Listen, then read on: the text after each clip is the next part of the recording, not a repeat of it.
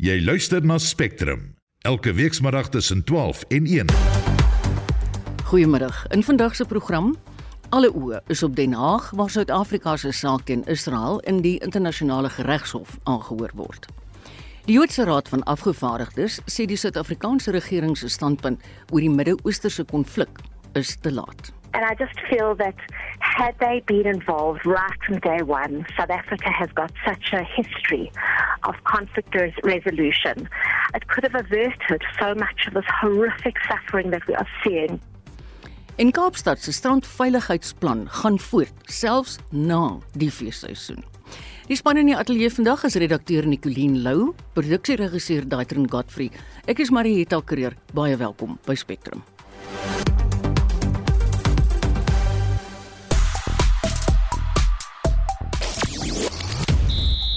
Die Bafana Bafana verdediger Mtobi Mvala sal ondanks 'n liesbesering vandag na die Afrika Nasies beker vertrek met die span. Vandag bied 'n tweede kans vir die SA20 om behoorlik af te skop na reën veroorsaak het dat die openingswedstryd skipbreek lê. Steve Smith vervang David Warner as Australië se toets aanvangskolwer en die jongste by die Dakar tydren waar skof 6 vandag voltooi word. Al die besonderhede volg net na 12:30. Op Facebook berig die media dat die Amerikaanse akteur Aiden Cantu wat in X-Men Days of Future Past in die ouderdom van 42 jaar dood is aan kanker. En op Instagram deel gebruikers die lokprent van die nuwe weergawe van die film Mean Girls wat van môre by teaters beskikbaar sal wees. Hou ons sosiale media platforms dop vir nog interessante broekies. Okay, aanmonai, dit is nou 5 oor 12. Hier's net 'n interessante brokkie inligting vir al ons luisteraars. Vandag se groot nuus is natuurlik die Suid-Afrikaanse regering se hofgeding teen Israel in Den Haag. Nou indien jy nie vandag voor 'n televisie kan wees nie of jy kan nie na ons nuus en aktualiteitsprogramme luister nie, kan jy die hele hofgeding volg op die VN se webwerf. Die adres is webtv.un.org. Almal hoofletters. Dan kom ons by die vraag wat ons vir ons luisteraars vandag wil vra. Meeste Suid-Afrikaners het reeds met hulle nuwe werksjaar beginne, maar baie mense sien na die eerste week hulle is ontsettend uitgeput. Hoe het jy gemaak? Het jy besluit om slimmer te werk te gaan vanjaar met jou tyd en jou gesondheid? Dalk slaap jy meer of is jy iemand wat glo in vitamien aanvullings? Laat weet gerus vir ons. Stuur 'n SMS na 45889 teen R50 per SMS. Jy luister na Spectrum elke weekmiddag tussen 12 en 1. Welkom terug. 7 minute oor 12 en ons gaan voort. Statistiek Suid-Afrika maak binnekort die jongste vervaardigingssyfer bekend. Ons praat nou met 'n ekonoom van Sequoia Capital Managers, Dr. Chris Harmse. Goeiemôre Chris. Goeiemôre Marita. Wat verwag jy gaan die jongste vervaardigingssyfers oplewer? Wel, Marita, ons moet ons moet nou kyk na die ehm um, weet wat wat het verlede jaar gebeur en wat het gebeur in die in die maand van Oktober. Jy weet omdat Oktober uh, gaan vir ons wys uh in 'n hoë mate ons vir die jaar en dan ook vir uh die maand van November want dis die syfer wat gaan uitkom. Uh vandag uh die uh situasie gaan lyk. Nou ons het in die maand van Oktober 'n minus 0,2% groei gehad. En is dit ook vir die jaar uh 'n negatiewe groei van minus 0,7% gehad.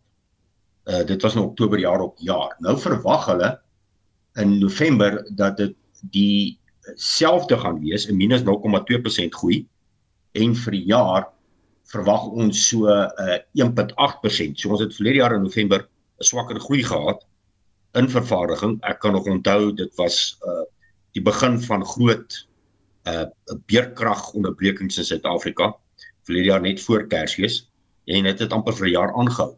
So daar's nie baie goeie nuus uh op die verwagting van wat die vervaardigingsproduksie dan nou was in November nie. Mm. Uh en dat uh, dit heel wat swakker kan wees as die vorige maand met 'n minus 0,7%. Uh, as ons gaan kyk na jaar op jaar grondslag, lyk dit vir my of vervaardiging groei maar min of meer wat die ekonomiese groei is, hier by ongeveer 1%. En ek het 'n uh, my vooruitskatting is dat ons kan hierdie jaar effens verbetering verwag uh, wat ons kan help uh, hier by 1,5% in vervaardiging. Dis nou in reële terme, hè, met ander woorde dit wat by die fabrieke se se se deure uitgaan, dit wat afgelewer gaan word. Uh en dat ons dalk miskien 'n klein bietjie verbetering kan kry hierdie jaar. En veral die redes, die die, die groot redes is dat ons vermoed en ons verwag dat beerkrag gaan effens laer wees. Uh ons verwag ook dat uh rentekoerse waarskynlik 3% gaan daal hierdie jaar sodat die verbruiker bietjie meer in sy sak gaan hê om kan te kan begin bestee dat verbruiksbesteding so effens hoër gaan wees met ander woorde die bestellings by die fabrieke kan dalk so effens beter wees as die jaar. Ek moet jou sê as jy sê die rentekoers gaan afkom klink dit na baie goeie nuus. Marieta, ja, ons kan maar net gaan op wat die mees uh magtigste 'n uh, man in die wêreld sê en almal dink altyd as die president van die van die van Amerika dit is nie. Dis altyd die voorsteur van die Federale Reserve. ja. Uh nou Jeremy Powell het op 13 November aangekondig dat uh, die Federale Reserve Raad verwag om rentekoerse in die eerste 6 maande van hierdie jaar 3 keer te verlaag. Wow, en ons volg hulle altyd. Die inflasie is om ons volg hulle. Ek bedoel daar's nie uh, ek bedoel ons ons volg hulle. Nou daar's 'n tweede rede hoekom dit by Suid-Afrika ook kan plaasvind en uh die inflasiesyfer wat waarskynlik gaan uitkom volgende week gaan vir ons wys dat inflasie nou in die rigting van onder die 5% begin beweeg. So hy gaan onder die teikens wees. Uh, ons het nou gesien dat brandstofpryse besig om te daal. Uh ons het ook gesien dat die rand daarop effens sterker beweeg hier in rigting van R16.80. Uh en ons het ook gesien uh dis dat voedselpryse begin in, in, in nou moet julle mooi my woorde verstaan, stadiger styg. Nou ek het nou hoeveel huisvrouens gehoor het en laat weet dit en sê hoorie maar jy kan nie sê dat voedselinflasie is laer nie, my mandjie styg nog elke weet elke maand. Mm. Hy styg, hy styg net stadiger. Ja. Ons het ons het ons het groente en, en vrugte gehad soos byvoorbeeld uh, uh, piesangs en aardappels wat hier by uh Oktober maand jaar op jaar dan met in die 60%. Ek weet. Ek weet. Dit is baie uh, En nou en nou en nou gaan dit natuurlik uh, laer begin te styg. Hy styg byvoorbeeld nou in die volgende jaar net met 20%. Maar omdat hy met 20% styg en sy effek op die inflasiekoers, gaan ons voedselprysinflasie waarskynlik afkom van 9% hierso na 5-6%. Dis nog steeds 'n hoë stygings, maar dit gaan die inflasiekoers inderdaad inderdaad afbring hier na vlakke van onder die 5% en en daardie faktor ook gaan die Reserwebank ehm um, definitief ehm uh, rentekoerse begin verlaag in die in in weet in die navolgings van die res van die wêreld. En dit kan natuurlik 'n baie beter effek hê mm. op uh op op kleinhandelsyfers en dan natuurlik op vervaardiging. Chris baie dankie. Ons het gepraat met die ekonom van Sequoia Capital Managers, Dr. Chris Harmse. 12 minute oor 12. Alle oors vandag op die internasionale geregshof in Den Haag in Nederland waar die hoë profiel hofsaak waarin Israel van die oortreding van die Volksmoordkonvensie aangekla word, aangehoor word. Die Suid-Afrikaanse regering het in Desember verlede jaar die saak teen Israel aanhangig gemaak. Suid-Afrika se regspan het vanoggend om 11:00 begin met hulle betoog voor die regshof se 15 regters. Is dit ou die verrigtinge dop en is hier by my in die ateljee. Ek sien die verrigtinge, maar omdat dit nou op stilte is, kan ek nie weet wat gebeur het nie. Kan jy vir ons sê wat gaan aan? Marita, soos wat jy nou net genoem het, bestaan die internasionale geregshof uit 15 regters wat deur die Verenigde Nasies se algemene vergadering en die Veiligheidsraad verkies word. Nou in sake soos die kan elke land 'n ad hoc regter van daardie twee spesifieke lande aanwys. In Suid-Afrika het regter Dikgang Mosenetjie ons land se voormalige adjunk hoofregter aangewys. Waaroor presies vra die Suid-Afrikaanse regering in sy mosie aan die internasionale reg? So wat wil hulle hê? Nou die Suid-Afrikaanse regering vra onder meer dat die hof op 'n dringende grondslag 'n bevel moet maak dat Israel sy verpligtinge in terme van die Volksmoordkonvensie oortree en dat Israel onmiddellik alle militêre aksie in Gaza moet staak wat dan nou teenstrydig is met die verpligtinge. En ons sal binnekort in meer besonderhede hieroor praat. Maar dit is belangrik net Marita om hier te noem dat die Volksmoordkonvensie wat in 1948 bekragtig is en deur Suid-Afrika en Israel onderteken is, bepaal dat volksmoorde nie gepleeg mag word nie, dat lande dit moet voorkom en dit moet bestraf. En dit is op grond hiervan dat die Suid-Afrikaanse regering 'n saak teen Israel by die geregshof aanhange gemaak het. Nou die geregshof hoor geskille dan nou aan tussen lande wat mekaar daarvan beskuldig dat VN verdragsooreenkomste nie nagekom is nie. Nou die president van die geregshof het die Suid-Afrikaanse regering se aansoek voor die hof wat op 29 Desember verlede jaar ingedien is, so opgesom.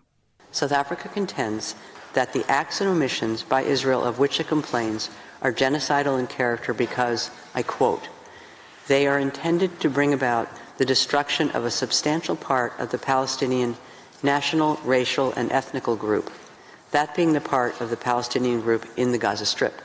End of quote. South Africa asserts that the relevant acts are attributable to Israel, which has failed to prevent genocide and is committing genocide, and which has also violated and continues to violate other fundamental obligations under the Genocide Convention. Nou in die aansoek vra Suid-Afrika dat voorlopige maatreëls ingestel moet word. According to South Africa, I quote, provisional measures are necessary in this case to protect against further severe and irreparable harm to the rights of the Palestinian people under the Genocide Convention, which continue to be violated with impunity. South Africa requests that the court indicate provisional measures to protect and preserve those rights, as well as its own rights under the Convention, and to prevent any aggravation or extension of the dispute pending the determination of the merits of the issues raised by the application. End of quote. En dit was die president van die internasionale geregshof regter Joan Donahue. Is dit daar's baie spesifieke en ook 'n hele paar voorlopige maatreëls waarvoor die Suid-Afrikaanse regering in sy aansoek vra. Ja, Marita, daar is 9 voorlopige maatreëls wat aangevra word en van hierdie maatreëls het ook onderafdelings, maar dit sluit in dat Israel onmiddellik alle militêre aksie in Gaza moet staak en dat Israel moet verseker dat enige militêre mag verder nie eh, verder uitgeoefen mag word nie, dat Suid-Afrika en Israel in terme van die verpligtinge van die Volksmoordkonvensie konvensie alle moontlike voorkomingsmaatreëls sal onderneem om volksmoord teenoor Palestynse burgers te voorkom dat Israel in terme van die volksmoordkonvensie homself daarvan sal weerhou om Palestynse burgers dood te maak en hulle geen liggaamlike of geestelike leed aan te doen nie hulle nie sal verhoed om hulle eie huise um, te bewoon nie hulle vrye toegang tot water kos humanitêre hulp en mediese sorg en dienste sal gee en nie volksmoorde sal pleeg nie of poog poog om dit te pleeg nie en indien dit wel gebeur dan daarvoor gestraf word. Die Suid-Afrikaanse regspan is op die oomblik besig om te betoog voor hierdie regters en hulle het ehm um, soos wat ek vroeër genoem het 3 ure tyd om hulle betoog voor die regters te ehm um, te, te, te lewer. lewer. Kyk as hulle 11 uur begin en dan beteken dit ons gaan deur na 2 uur toe maar hulle sal seker 'n middagete breek vat aanvaar ek. En dan uiteraard Israel gaan môre sy betoog lewer. Ja, en hulle het ook dan nou 3 ure tyd om hulle betoog te lewer. Baie dankie Essie. Dis Essie wat vir ons al hierdie verwikkelinge in die internasionale geregshof dophou. Ek wou sê dopgehou het, maar aan die ander kant jy gaan aanhou dophou ja. en môre gaan jy ook dophou. maar baie dankie dat jy ons op hoogte bring. Intussen die Suid-Afrikaanse regering het te lank gewag om standpunt in te neem oor die gruweldade wat deur die konflik tussen Israel en Hamas veroorsaak is en te lank gewag om daarteen op te tree. Dis die mening van die nasionale direkteur van die Suid-Afrikaanse Joodse Raad van Afgevaardigdes, Wendy Khan. Sy sê Suid-Afrika het gefaal in sy doelwit om internasionale partye wat in konflik is byeen te bring om te probeer om plofbare situasies op te los. From day one, South Africa has shown that it wasn't going to play that role, that it wasn't going to have any kind of discussion dialogue with Israel. That first week when there was a horrific massacre, when Hamas went in and brutally murdered and tortured and burnt and raped Israelis, civilians, and they didn't even send a condolence. And I just feel that had they been involved right from day one, South Africa has got such a history of conflict resolution. It could have averted so much of this horrific suffering that we are seeing both in Israel and in Gaza. And we're devastated by that suffering. Mm. And could we have averted some of that suffering? Kan sê die Suid-Afrikaanse Joodse Raad van Afgevaardigdes glo in 'n twee-staat oplossing om 'n einde te bring aan die konflik tussen Israel en Gaza. We want the Palestinian people to have their state and to live side by side with Israel. There is nothing we want more. And throughout the years, we have met with our government and we've implored our government to try and play some. They've got they've got the ear. Look, we know that they've even got the ear of Hamas. We know that. We know that our minister has got a relationship with Hamas. We know that um, the government, I mean, Hamas came here. They have the ear of Hamas. Why could they not have gone to Hamas and implored Hamas to let the hostages go, to stop the incessant bombings of Israel civilian cities earlier in the game? so that there could have been some kind of resolution. We are mm. so incredibly frustrated because we know that our government could have played a role, yet they chose a punitive approach right from the beginning. Sy sê die Suid-Afrikaanse Joodse Raad van Afgevaardigdes het in Desember verlede jaar samesprekings met president Cyril Ramaphosa gevoer. We met with the president for a very specific reason, and that was that the rates of anti Semitism in South Africa had skyrocketed, literally skyrocketed. They're the highest rates of anti Semitism we've ever had in this country. And we went to him just to try and call for his support, both in terms of fighting anti Semitism, boycotts on Jewish businesses, and also there were some very practical issues that our citizens are. They're not being an embassy in Israel and real specific consular issues. In terme van die regspan wat die Suid-Afrikaanse regering vandag in die saak in die internasionale regshof verteenwoordig, het Kaan kritiek uitgespreek teenoor die nasionale vervolgingsgesag. I just watch as our own NPA is struggling to take on cases in my own country, cases of murder and rape and state capture. And suddenly they found this huge team of eight top advocates that they're sending across. And as well as so many of our government ministers, director general. And it, it really is, I do question in my own country why our judicial systems are not running on this efficiency. Kan sê die Joodse gemeenskap is bekommerd oor hoe die Suid-Afrikaanse regering se saak teen Israel verhoudinge tussen die twee lande kan beïnvloed. We have a very deep relationship with Israel for many, many reasons. Some of them historical, some of them religious. So many of our, as a family living there. And it's been an incredibly painful time seeing the loss of life, as I say, both in Israel and in Gaza. All we do is we pray for an end to these hostilities and and again we're just so disappointed that our government could not have been involved right from day one. Dit was die nasionale direkteur van die Suid-Afrikaanse Joodse Raad van Afgevaardigdes, Wendy Kahn. Ek is Estie de Klerk vir SAK nuus. Ons RSG nuusspan as ook ons aktualiteitsspanne gaan heeltyd hierdie snaal dophou en almal en ook ons luisteraars op hoogte hou van wat daar aangaan. Na genoeg 700 lewensredders en honderde polisieeringspersoneel is die afgelope feestyd reg oor Kaapstad ontplooi. Dit vorm deel van die stad se feesseisoen strandveiligheidsplan. Die vakansieprogram is by Big Bay in Blouberg Strand bekend gestel. 'n Belangrike deel hiervan is om die publiek aan te moedig om in veilige gebiede te swem om moontlike verdrinkings te verhoed. Anita Visser berig. Kaapstad se lewensredders het die afgelope feesseisoen hard gewerk en groot uitdagings gehad. Die personeel is by 29 strande ontplooi, asook by 30 munisipale swem- en getuiepoele. Kaapstad se burgemeester, Jordan Hill Lewis. Listen to the instruction of the lifeguards. Always swim between the flags. Never ever go in the water with alcohol or after having consumed alcohol. and use our Identity Kids service, which is a great service which helps parents reunite with their kids on a crowded beach. We, we put a bracelet on the kids, and our staff will be there to help uh, reunite kids with their parents. 19 mense het verlede jaar in die provinsie verdrink. Die Nasionale See-reddingsinstituut het swemmers en besoekers aan Kaapstad versoek om veiligheid voor oë te hou.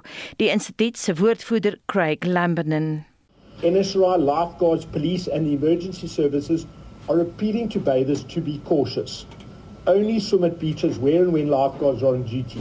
Parents are urged to ensure children have responsible adult supervision when they are swimming. Let's keep each other safe. Die NSRI maan verder dat mense veral sleurstrome moet vermy wat al telke male tot verdrinkings gelei het. Helaas is die publiek onbewus van die spesifieke strome of die gevare wat dit inhou. Dit is wat sommige van die strandgangers hieroor te sê gehad het. people drink and stuff, so they don't know how far they go in the sea. And then the thing is, at later, the rough current come in the water be, and become a hazard for the people. Shouldn't go too deep because the ocean water is very strong and can easily pull you in. So, especially if you under the influence of anything. Besides that, the safety I think is uh, it's very good because you can clearly see as lifeguards. Yeah. You know, it's high tide. Please don't go in, guys, because it's very dangerous. Like a lot of lives have been lost over December and this period. So please be safe. If you just make your feet wet, take a photo or two. Like I said, if you can't swim, please guys, don't go in, man, because it's very dangerous. Duisende besoekers het die afgelope feesseisoen die moederstad se strande besoek, maar die owerheid maan dat veiligheid altyd 'n prioriteit moet wees. Die verslag is saamgestel deur ons nuusspan in Kaapstad. Ek is Anita Visser vir SAK nuus. Ja, ons het aan die begin van die program gesê en dit is eintlik vir my nogal die riem onder die hart, is dat hulle ook nie in vakansietyd nie wel voortgaan met hierdie veiligheidsplan. Ek dink dit is prysenswaardig. Jy luister na Spectrum. Elke weekmiddag tussen 12 en 1. Wat nog voorlê in ons program net hierna, ons kry die jongste sportnuus en ons hoor hoe litchi produksie deur klimaatsverandering geraak word. Ons nooi jou bly gerus ingeskakel.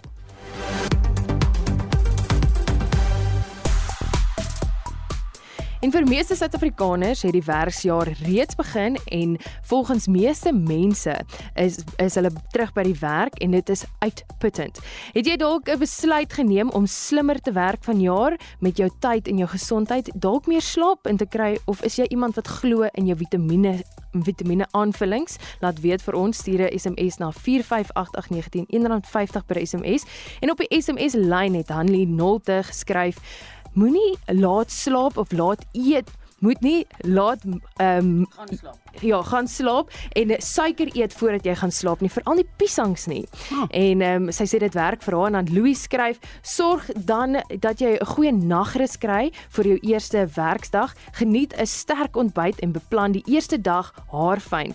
Dan het jy 'n goeie platform en genoeg selfvertroue om jou hele jaar en jou doelwitte te bereik. En dan het ons die stemnotas wat op die SMS lyn was. Ek het besluit die jaar ek lekker vroeg slaap in die aande.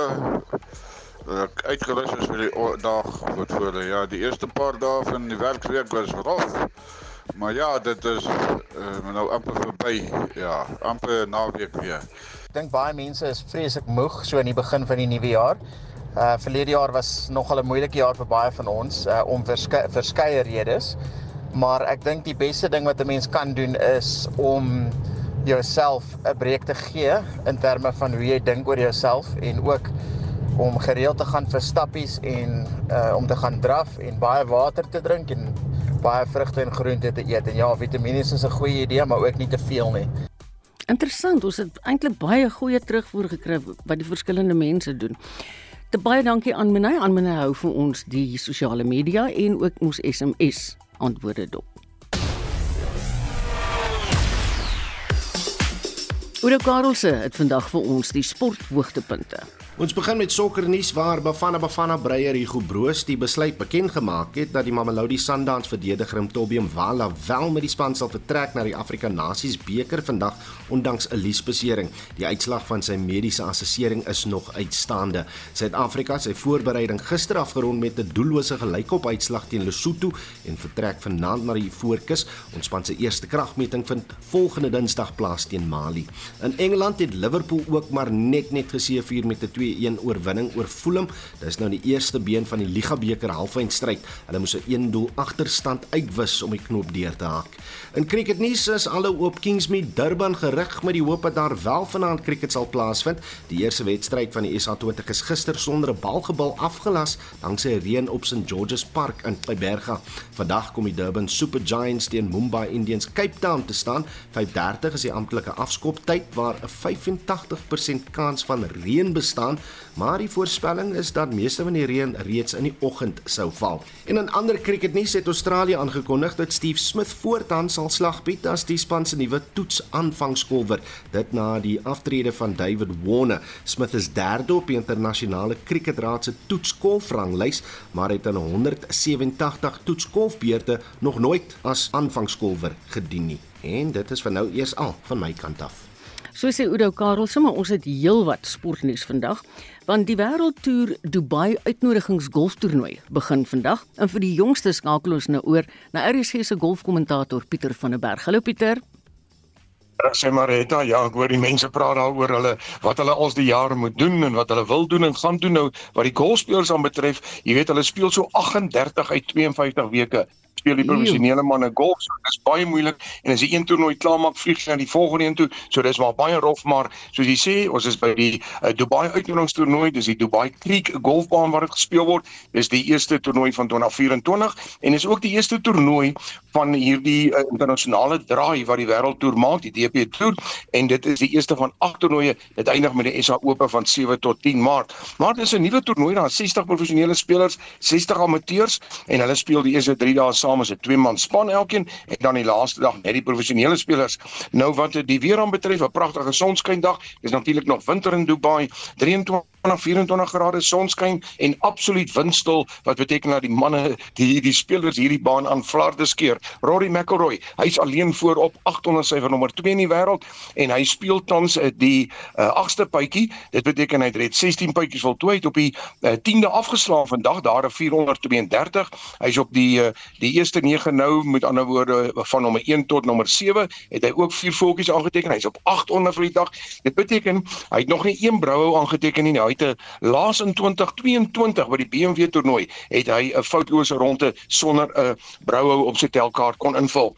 So Rory is een nou voor Jannik Pol, die man van Duitsland op 700 en dan Suid-Afrikaanse Tristan Lawrence alleen in die derde plek op 600 syfer. Hy speel tans die agste puitjie. Hy het ook op die 10de afgeslaan vandag, so hy het net twee puitjies oor, maar net een brouhou op sy kaart. 'n Uitstekende ronde van die man van uh, Mpumalanga Tristan Lawrence. Dan kyk ons na Zander Lombard, hy's gesamentlik in die vierde plek, ook op 400 van Suid-Afrika natuurlik en hy het sy ronde voltooi in 67. So pas van die baan af gestap. Ongelukkig het hy op die 9de vandag 'n broue op sy telkaart ingevul. Bietjie laer af is daar nog 'n Suid-Afrikaner of wat? Daar's net 4 in hierdie toernooi en nie toe presies. Hy staan op 'n 2 onder syfer, so hy's in die gesamentlike die posisie 'n goeie posisie ook daar vir Henny. En dan ongelukkig eh, is daar nie soveel goeie nuus vir ons vierde speler in die toernooi nie. Hy het so iets wat uitgesak en uh, ons sal dis ook die stryd om hy's nou gelyk aan syfer en hy is daar in die gesamentlike 33ste plek. Dit is die nuus ons gesels 'n bietjie 360 Marita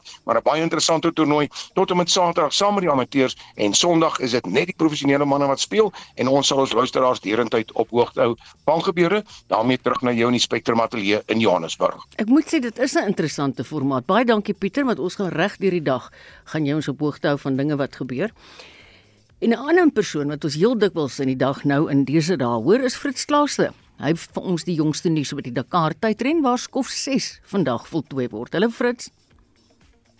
Hallo Marieta, hoop dit gaan goed. Ja nee, dankie. Ons het mekaar lanklaas gesien, maar ons werk. ja. Vertel net eers vir ons waar jy neem vandag se koffierenjaars en hoe hoe verloop dinge tot dusver? Baie baie baie interessante skof vandag uh, Marieta.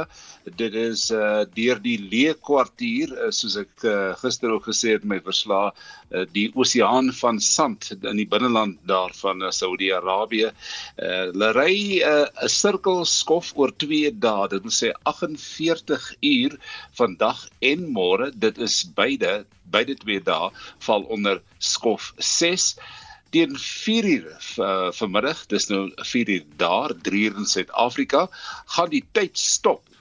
Dan moet almal uh, uh daar bly waar hulle is mm. en uh hulle tye word geneem en hulle moet dan teruggaan na die naaste kamp. Daar is sewe voorlopige kampe opgesit en dis waar hulle oornag vanaand daar in die veld. Niemand mag daar ingaan by hulle kampe nie, net hulle alleen. Hulle het 'n rekkie oornag pakkie wat nou sjokolade, blokkie, bietjie biltong en water en so aan insluit. Môreoggend uh, vat hulle die ding verder en maak dan skof 6 klaar. Dis 'n saak vir nag daar staan. Frits, Suid-Afrika het 'n groot verteenwoordiging by vanjaar se tydren, maar ek kry die indruk ons spanne sukkel so bietjie tot dusver. Verwag jy daar kan dalk 'n groot aanslag kom hier na die einde van die wedren toe? Uh, Marieta ja en nee. 'n uh, Dubbelsinnige antwoord.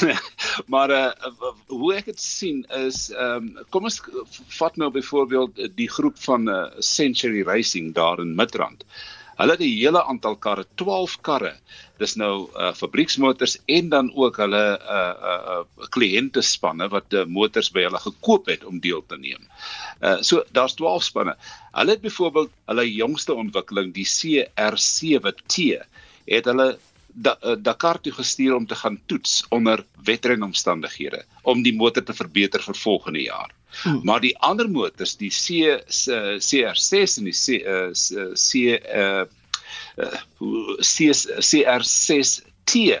Hulle is klaar ontwikkelde motors, so hulle neem baie goed deel en uh, dit gaan baie goed byvoorbeeld met die 1 CR6 T motor. Hy uh, word gery deur uh, een van uh, die deelnemers wat in die verlede al vir Suid-Afrika deelgeneem het en uh, dit gaan goed met hom ook daar o, met die goed. kar. So as 'n mens kyk na die ander karre, daar is Toyotas, 'n hele klomp wat ingeskryf is wat deelneem uh onder verskillende name. Ons ken die Toyota Gazoo groep en dan is daar is 'n uh, Treasury One van Pretoria, net 'n klerk 'n uh, uh, entrepreneur wat hierdie motor ontwikkel het. Ons, ons tyd haal ons ja. in, ekskuus man, ek is nou baie ongeskik om jou in die rede te val, maar ons gaan vanmiddag op RC nog weer met jou gesels, né? Nee? 360 en uh Spitsbergen. Baie dankie. Dit was vir die slaaste wat vir ons verslag doen oor die Dakar tydren. Jy luister na Spectrum. Elke week saterdag tussen 12 en 1. 20 voor 1. Ons het vroeër in die program berig oor Suid-Afrika se volksmoordsaak teen Israel wat vandag in die internasionale geregshof in Den Haag aangehoor word. Hier in Suid-Afrika hou die ANC in Gauteng en Tshwane spesifiek saam met beamptes van die Palestynse ambassade vandag 'n optog uit solidariteit met inwoners van Palestina. Ons praat nou met die SAK se verslaggewer wat daar is Pusoletso Mokoena. Good afternoon Pusoletso.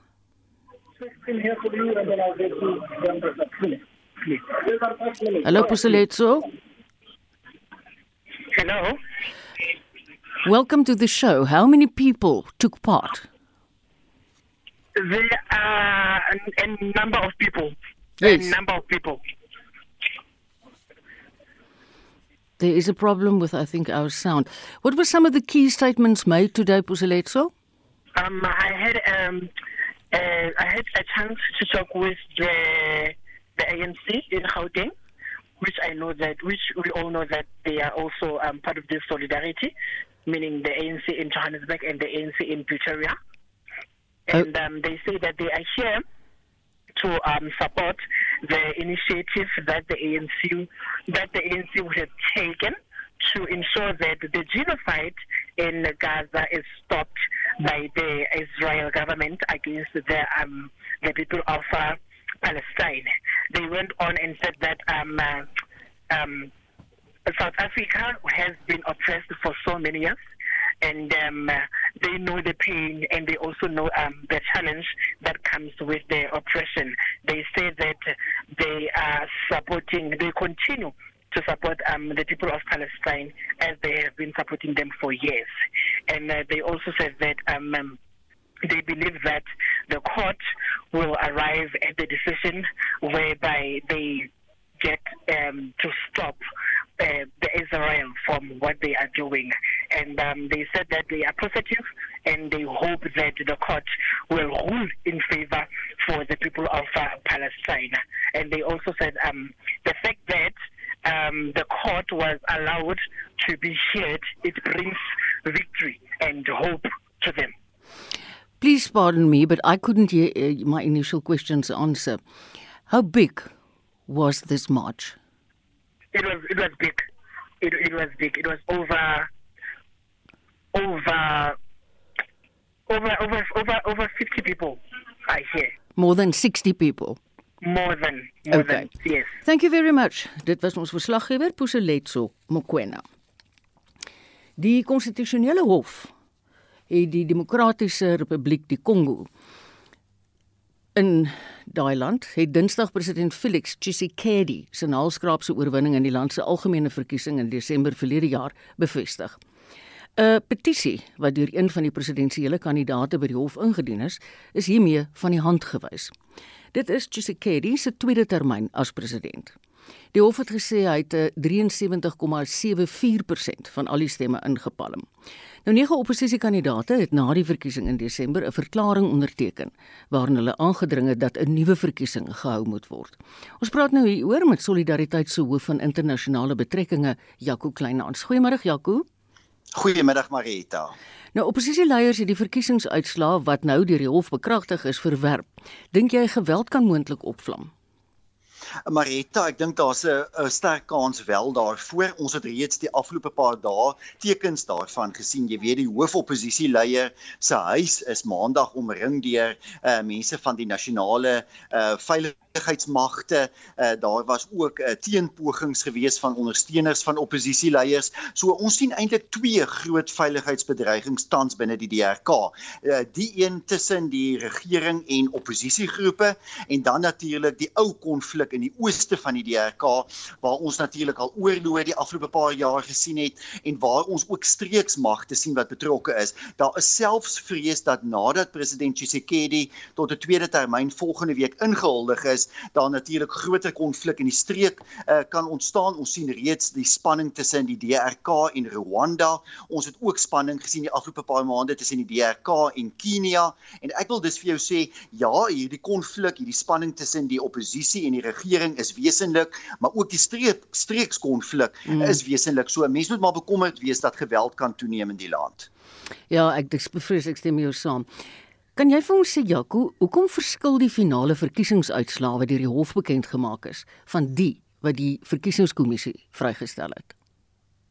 Ja, Marita, dit bevestig natuurlik eintlik die die wesenlike uitdagings met hierdie verkiesing. Mm, Jy weet, mm. Eh, as mens maar net teruggaan na verlede jaar, die probleme om kiesers te registreer, om vir hulle kiesersertifikate uit te reik, om uiteindelik die hele verkiesing te organiseer. En sedert die verkiesing uh uh in Desember het ons gesien dat daar 'n uiters problematiese uh, stelsel was met die tel van die stemme. Uh, meer as 80 kandidate is gediskwalifiseer en daar is eintlik um, 'n um, wesenlike verskil uh tussen die amptelike uitslag wat nou deur die konstitusionele hof bekend gemaak is um, en dit wat die verkiesingskommissie sê en die rede daarvoor is dat die konstitusionele hof eintlik beslis het dat in sommige kiesafdelings um, die resultate eenvoudig nie geldig is nie dat daar soveel ongeruimthede was dat hulle daardie uitslaa nie kan erken nie. Nou wat die hmm. wat die konstitusionele hof ook gister in sy uitspraak gesê het is dat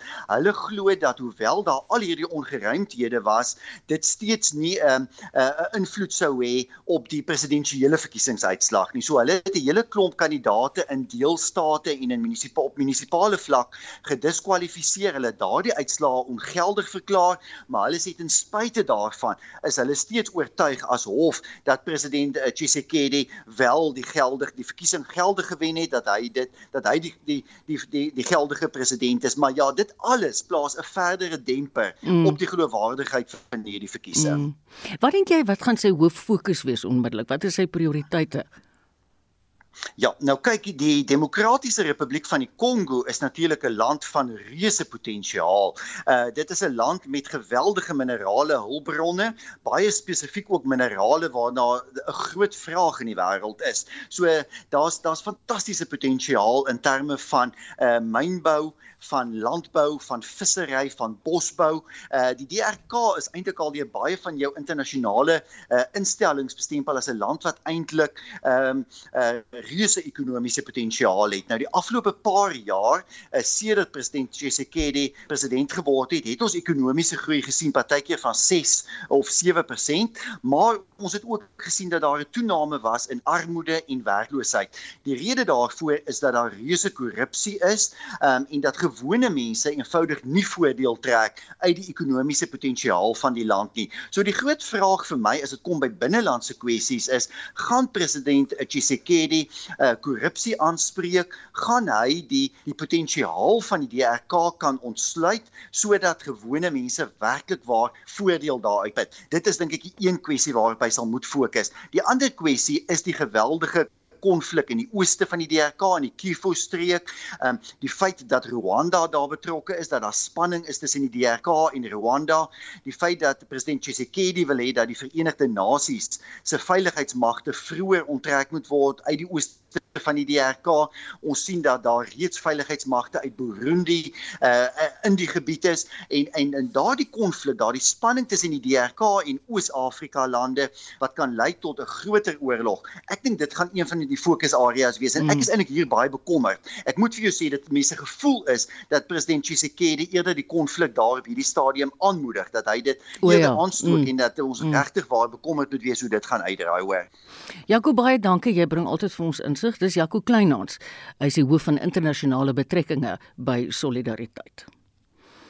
'n Aanval op TV-aanbieders in 'n ateljee in die hawestad Guayaquil in Wes-Ecuador het die aandag gefestig op die modus operandi van die Coneros-bende, wie se leier Sondag uit 'n tronk in die stad ontsnap het.